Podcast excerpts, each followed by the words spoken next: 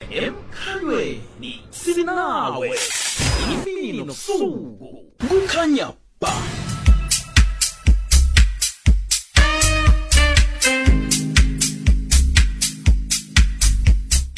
izokele endabeni zephasi sithokozile kilomrhatsho ikwekwezi fm kukhanya ba mithandathu imzuzu ngemva kwesimbi yesibili 6 minutes after 2 singena ngaphakathi kwehlelo lethu elithi youth talk la sikhuluma khona sibabantu abatsha namhlanje sike siyokuhamba no-dj tom mashiya siyoqala ukwamukelwa namkhana ukuhlaliswa komuntu onokukhubazeka emsebenzini eh siyazi ukuthi-ke siyasebenza sisebenzisana sisoke sibabantu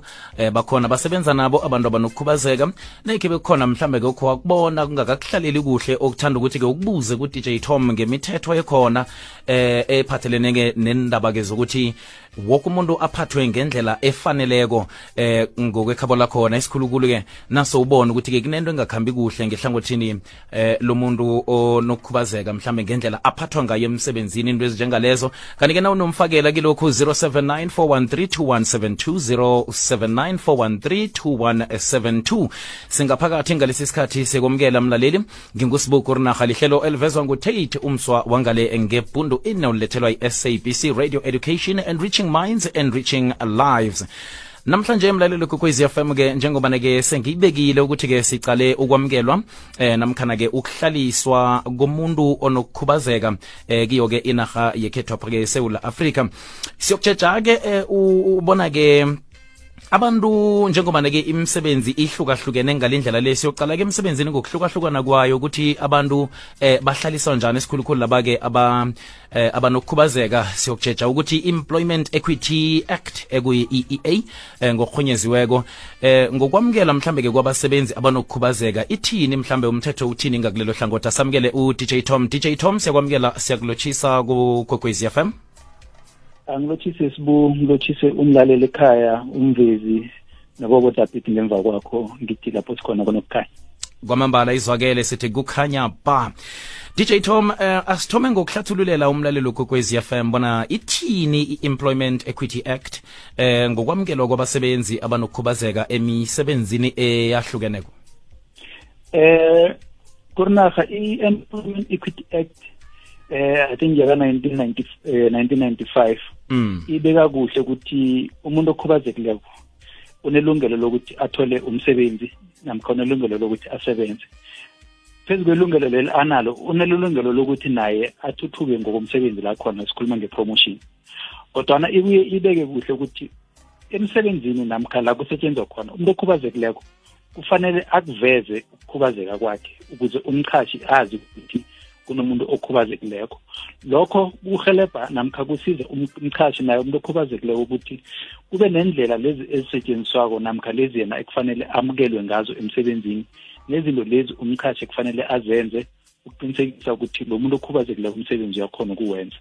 and nokuthi naye amuntu okhubazekileko akhona ukuthi abe nobungenelo ne-access yazo zonke izinto ezikhona la asebenza khona ukuze umsebenzi uragele phambili so ngokufitshane i-employment equity act ichaza ukuthi amalungelo womuntu okhubazekileko nalo ongakakhubazeki hmm. njengababereki ayalingana akumelanga kube khona lo obandlulilwako emsebenzini ngombana akhubazekile namkha amuntu wengubo namkha amuntu ebala elithile woke umuntu uyalingana nasisuka emsebenzini nangokubhadelwa kwabo namkha indleko azifane eh ngokulingana ama-benefits nawo akalingane womuntu okhubazekileko nomuntu ongakakhubazeki osemsebenzini kungaqalwa ihlangothi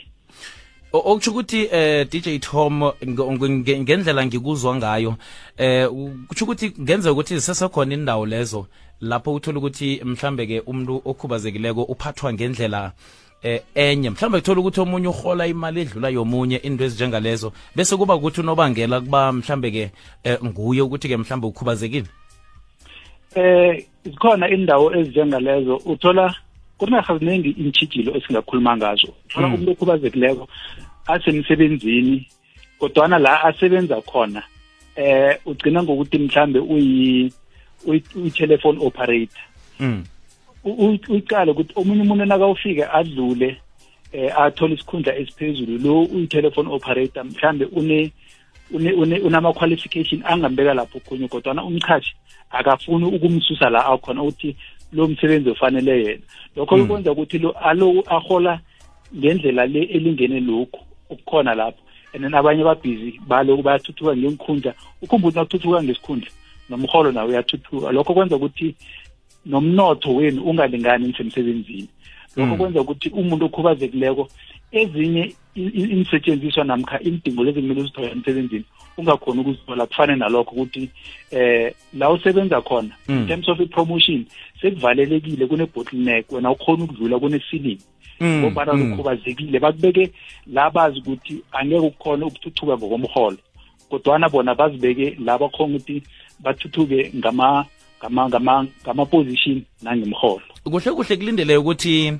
eh, mhlambe kumuntu omqatshi oqatsha mhlambe ke abantu eh, mhlambe ke aqatshe umuntu okhubazekileko eh, kunezinto mhlambe kulindeleke ekufanele bona ke zitshejwe ukuthi abe nazo eh kuze ke mhlambe ke kwamukelo azokhona ukuthi ke amqatshe sele anganazo into ezinjengalezo kutsho ukuthi vele ke awa eh umuntu omqatsho njalo nanyana ke ufisa ukuthi ke mhlawumbe ungacatsha lapha ke umuntu okhubazekileko mhlawumbe kube mbandela lokho ukuthi angakhona ukuvula amathuba ngiziphi mhlawumbe inhlabagelo ekufanele ukuthi ngibe nazo eh ezokhona ukuthi ke zamukele nomuntu okhubazekileko eh kurinafa ngiyacabanga ukuthi umbuzo omuhle loyo mhm. abantu abaningi nabayokufaka imbawo zombereko bayatsho ukuthi bakhubazekile and bakhubazeke ngendlela enjani mm, mm. kuya ngokuthi umchathi uthe nakakhipha i-advert mm. wathi ufuna umuntu okhubazekileko nawo nangumuntu okhubazekileko uyafika asikakhubazeke ngokufana ngombana umchashi azange abe specific namkha azange anqophe ukuthi ngifuna umuntu okhubazeke njani uthe nabantu abakhubazekileko so kufanele ukuthi umchashi abe nazo zonke insetshenziswa namkha inhlabagelo hmm. e-, ezizokwenza ukuthi labantu abakhubazekileko aseke abachashileko namkha sebafikileko uyazenza asithome ngokuthi nangumuntu akaboni emehlweni hmm. and nguwe umchashi othe omunye nomunye umuntu okhubazekileko akeze so into yokuthoma kumele uqinisekise ukuthi yoke into yenzako uyenza nge-brain namkha kuba nomuntu omsizako lezi zinto lezo ukuya ngokwe-ohs act eh ithi umqhashi unesibopho sokuthi anikele inhlabadelo lezi ezifunakalayo ne-employment equity act ivumelana nalokho mm. uchacha umuntu akaboni emehlweni usebenzisa nabanye ngiyacabanga ukuthi kunarho nokwakona bakuhamba nezinja ama-guiding dog nakeza kuma-interviews ungarareki isisetshenziswa eh. sakhe lesa ungakurari so nathi umchashile kumele uqinisekise ukuthi inja leya eh ukudla namanzi nendawo elungileko iyazithola ngoba la eh. iswenye umuntu igadene naye imkhambisa lakho simkhambise khona aloke eh DJ Tom kwenzekani ke ngomqatshi loyo ophula ilungelo leli eh, lomuntu okhubazekileko kwenziwani ngaye eh nanyana mhlambe ke ngayibuza nangendlela ukuthi nakho mhlambe ke ngiyakhona ukubona ukuthi umqatshi lo yalapha ingasuthi uphula ilungelo eh mhlambe likababa loya namtshana likamma loya lapha ngokuthi kunokuthi nokuthi engikubona kungayi ngandlela kufanele ukuthi mhlambe ke ngenzeni lapho kwenziwani eh umqatshi uhlawuliswa njani endweni ezinjengalezo eh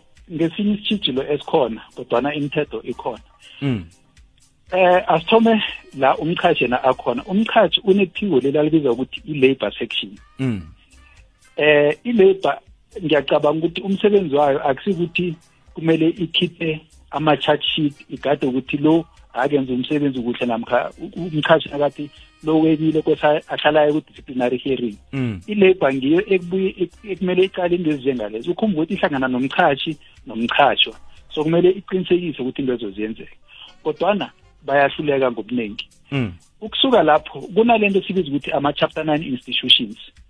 nawubona ukuthi nangumuntu okhubazekileko um eh, umchashi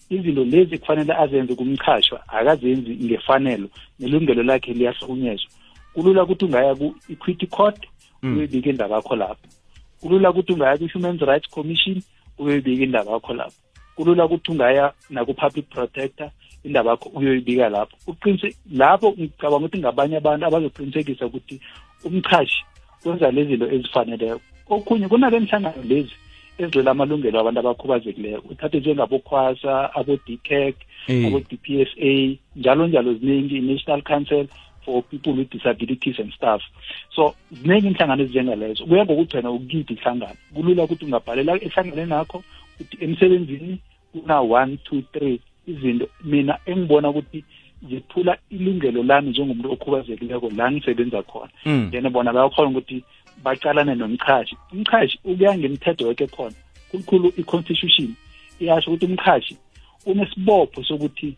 nakathathe umuntu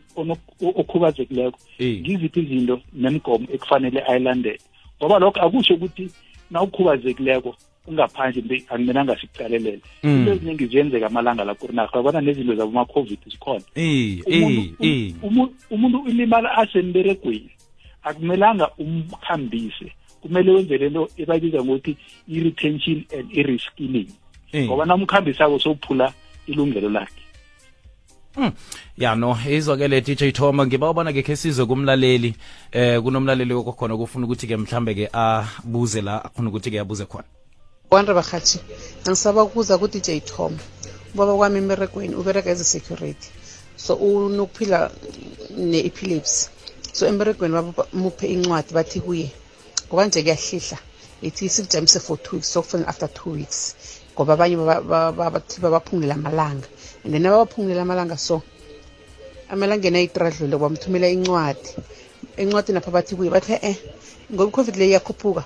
khukucala kucala nawe ngendlela ongaphila ngayo umberego umbuja umaketha maketha so ngiba ubuza ukuthi kulokho kuryt or akusirayidi na hayi hmm. ya Tom eh kuhle kuhle nami bengisafuna ukuthi ke ngibuze ukuthi kuhle kuhle eh ngesikhathi secovid nje eh umuntu okhubazekileko uphathwa ngendlela elungileko nangumba la uyabuza DJ Tom eh into le umbuzo omuhle kurinaga mm. i-covid le ngiyacabanga ukuthi sifundisa into eziningi sibabantu simphakathi eh. kunabantu abangakakhubazeki abahlezi emakhaya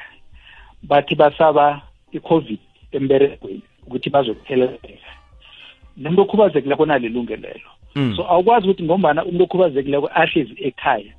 uthi akakuhambi ukuhlala ekhaya ngoba kune-covid nangimele kubiyelwe yena ngimelanga abuye lokho kokuthoma akukalungi ngombana i-covid le ibamba umuntu ukhubazekile wekakhubazeki uphilile wekaphili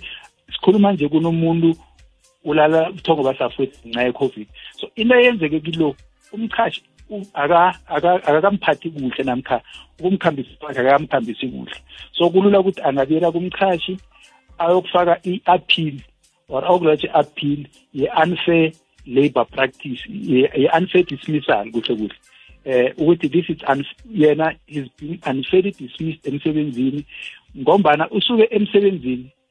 bonke bakhubazekile nabangakakhubazeki ngokuthiwa ukuthi siyan-accommodate ngendaba ye-covid so si-adjusta isikhathi senu sombereko nakumele babuye bekumele bababisele bonke bangasaqali ukuthi lo ukhubazekile ngombana ukuba specific kuyasho ukuthi bebathakethe ukukhubazeka kwakhe um abakaqali ukuthi yini le nto ayilethako emsebenzini into bekumele bayenze ukuthi ngombana siyazi ukuthi unesimo esinje angeke mhlawumbe usakhona ukubiyela la bekumele bamretaine bamnikele omunye umbereko ngaphakathi kwekhampani ongeke uthinte lento nebona ebacabanga ukuthi nakafike kiyo uzoba yikinga isokele dj tom ngiba usiza umlaleli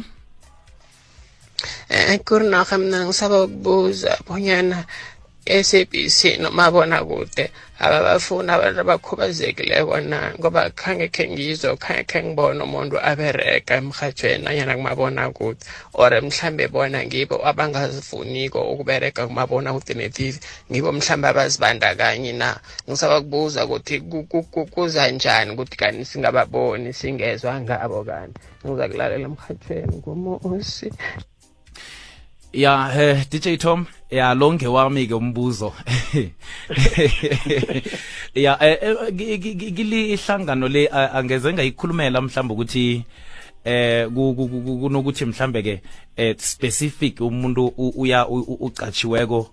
okhubazekileko into ezinjalo kodwana-ke imikhangiso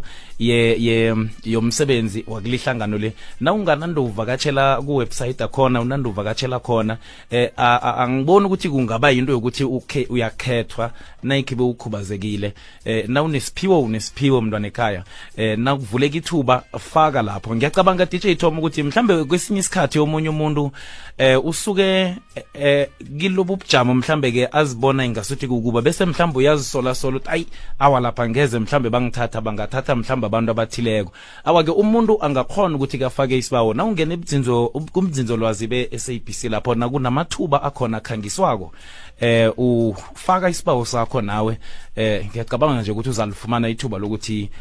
uraki eh kurerhe njengoba sowushilo ukuthi leyo khulukhulu ibamba nina kodwana singathi uyaqala ngendlela eh izinto zabantu abakhubazekileko zikhulunywa ngakho emhathweni eh nakuboma boma bona kuthi ziyatholela ukuthola kwazo kuyasho ukuthi eh ngenze ukuhlangana ayibantu izinto abantu abakhubazekile ngombana ukuba kwazi ngobuningi kuzotsho ukuthi kunabantu ngaphakathi abakhubazekileyo abayizwisisayo lele kodwana ngeke sayikhulumele i-sabc nazi ukuthi i-percentage yabo bona bayiqale kunjani kodwana izinto eziningi zikhulumeka lula umuntu nakangaphakathi eh njengoba zingakhulunywa ngokuningi izinto zabantu abakhubazekileko kuyasho ukuthi akekho zicabangako ngaphakathi and kuyasho ukuthi akekho umuntu okhona ukubonayo ukuthi la eh indezi sizenza kwezi kunabantu esibathathela inkundo bona bangekho izwakele DJ Tom kaningi ke eh kesinye isikhathi ke nawumuntu usuke la ukhona uye lapho mhlambe ke uyokubuza into ezinjengalezo akusimraro ungene kubudzinzolwazi uqale lapho ufake isibawu sakho leso sifakako e, e, emsebenzini nawunayo into bayifunako angicabanga ukuthi ke bangathatha mhlambe ke ubujame bacabanga ukuthi bakubona ukibo eh bese ke bakuvalele mhlambe ithuba into ezinjengalezi DJ Tom ke sithengise siyabuya okay thumela isaziso nemmemezelo ku-info at ikwekwezfm.co.za nemininingwana oyifunako emhatshweni buza ku-info at ikwekwezfm.co.za thumela ingoma yakho etsha ku-digital at kwekwezi fm co za ukwazi khudlwana ngekwekwezi fm chinga ku www ikwekwezi fm co za kukhanya ba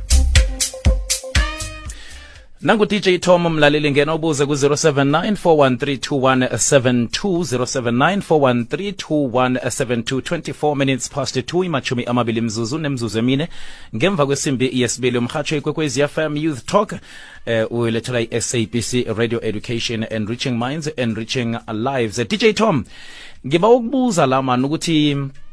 Eh kuqhakatheke kangangani ukuthi eh, eh nakukhangiswa umsebenzi othileko mhlambe eh kuchiwo lapha emkhangisweni lapho ukuthi lo mhlambe umsebenzi womuntu okhubazekileko eh, njalo njalo sihle sibona msama poster abakhona wokufuna kwemisebenzi yama kuvuleka amathuba emisebenzi uqhakathekile ngokubona kwakho ukuthi eh mhlambe ke kuspecifywe namtjana ke kuvezwe lapha ukuthi lo msebenzi lo ngomuntu okhubazekileko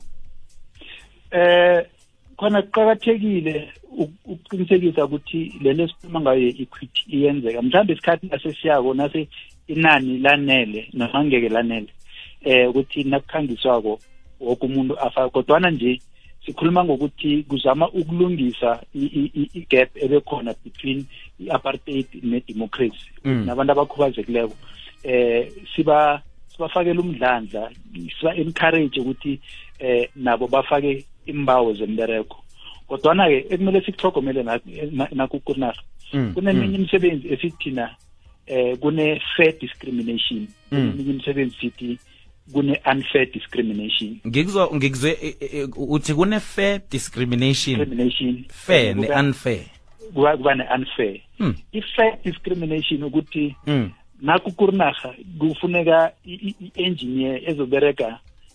eh ukulungisa amapala lephezulu namkha ngaphakathi emgodini emayini eh. mina ngiyavela ngingu-dj tom ngizikhambela ngesitulo sami sokuhamba ngifuna ukuyoberega ngaphasi emgodini emayini emayini nabathi noma angeke sikhona ukukuthatha ngombana lawo bereka khona isimo asho kumele ngizwisise ukuthi this is fair discrimination mm, mm. kodwana nangiyokufika e-ofisini lakho kurinaga la ngikubereka khona i-ofisi work umbereko nje loyo engakhona ukuwenza engikufundeleko olula ngifika lapha estudio ngithi no ngizorhatsha wena uthi awungithathi ngoba ngikhubazekile that's unfair discrimination so mm, ngezinye mm. zezinto ukuthi asizicale lezo um sibabantu nas-aplayela imbereko kodwana akutsho ukuthi umuntu okhubazekile ohlala ungamthathi mthathi mm. ukuze naye athole ikhono eh athuthuke kwezomnotho and engikubonileko esesikubonileko saku-analyze ukuthi abantu abaningi abakhubazekileko baqinisekisa ukuthi bahlala basemsebenzini zonke izinto bazenza ngokwefanele ngombana bayazi ukuthi isimo ebakiso akumelanga siba-disadvantage bakhombisa ikhono nokuthembeka ukudlula abanye yazi usaphethe leyo dj thoma kunobaba omunye othunga amanyathelo eh ngale ngemiddleburg ngale kutsho ukuthi nakalithungako nawuliyolithatha lapha nawuliqalako ukuthi uyabona ukuthi la bekugijima istage ngendlela khona kunakuthi batsho kunala kwenzeke khona iphoso namtshana kufanele ukuthi ubuye um uzokulila ngendlela otsho okhuluma ngayo lokuthi umsebenzi wakhona kuba msebenzi um ophumelela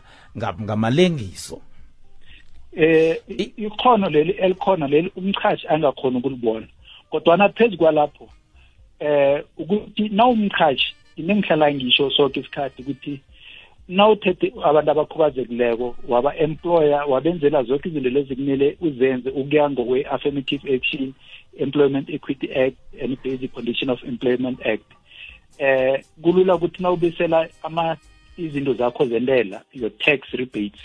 eh abangconywana kunalokhu nawungakachathi umuntu okhubazekileko mm DJ Thomas sivala eh, ngibawa ukusinikele ke imininingwane yakho bona ke bakufumana kuphi abantu siyazi ukuthi ke bakhona abanye eh, njengoba sikhuluma nje bacalana nemraro lapha ke emsebenzini eh abakhona ukuphandluluka ukuthi bangenza njani kesinye isikhathi eh uyaqalana nomraro usemsebenzini kodwana ke ubhalelwe mhlambe ke ukuyikhuluma into leyo ngonobangela ukuthi mhlambe usaba ukuthi eh uza kulahlekelwa umsebenzi abantwana balale ngendlala into ezinjengalezo ukukhuthaza mhlambe ke eh umlaleli ekhaya nokukhuthaza abaqatshi abakhona emakhaya ukuthi eh kungabe kungathi na ukuthi umuntu ukhubazekile bese kube ngathi uhlukile kunabanye abasebenzi cala siqeda ukukhuluma msi ngokuthi umsebenzi akunakuthi ngoba mina ngikhubazekile umsebenzi wami angiwenzi njengomsebenzi um eh, kakurinaha namtshana ukurinaha uyangidlula ngomsebenzi onjalo eh kurinaha angithome ngithi mina asenzeni le nto esibiza ukuthi i-s m s angazi ukuthi uyayizwisisa na ngiba ukuyizwisisa i-s m s ngisho ukuthi asisanitize ehe simaske mhm. social distance kwamambala siza kulunga ku-covid eh emntwini okhubazekileko nakumchashi mina into engitsho ukuthi asibambisanini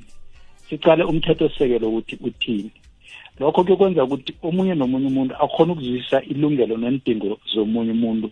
and eh, kungabi nelungelo eligadangelwako la umqhashi angeke agadangele ilungelo lomuntu okhubazekileko umuntu okhubazekileko la angeke aphule khona eh isifungo asenzileko nomqhashi mm. abantu abakhubazekileko abarorobhe amathuba akhona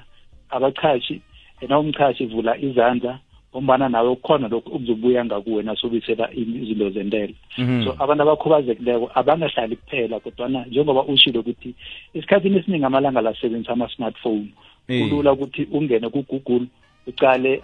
imisebenzi njalo njalo ufake ngendlela ongafaka ngayo ungazifihli ukuthi ukhubazekile ngombana awazi umnyango ozokwela phezu kwawo ukuthi nguwuphi kwamambala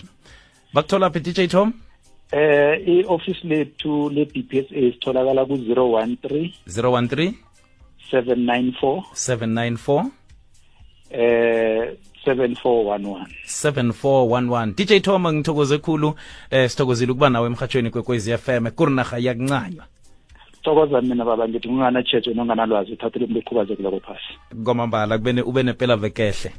lejaba kwamambala silijamisa la ihlelo lethu youth talk la sikhuluma khona sibabantu abatsha bobuda bhithi sithokozile eh ube nepela veke emnandi uphatheke kuhle sithokozile korinarha na ube nepela vekehle kwamambala sethula usesilindi intombi esiqotsheni ngewumo lendaba sesilindi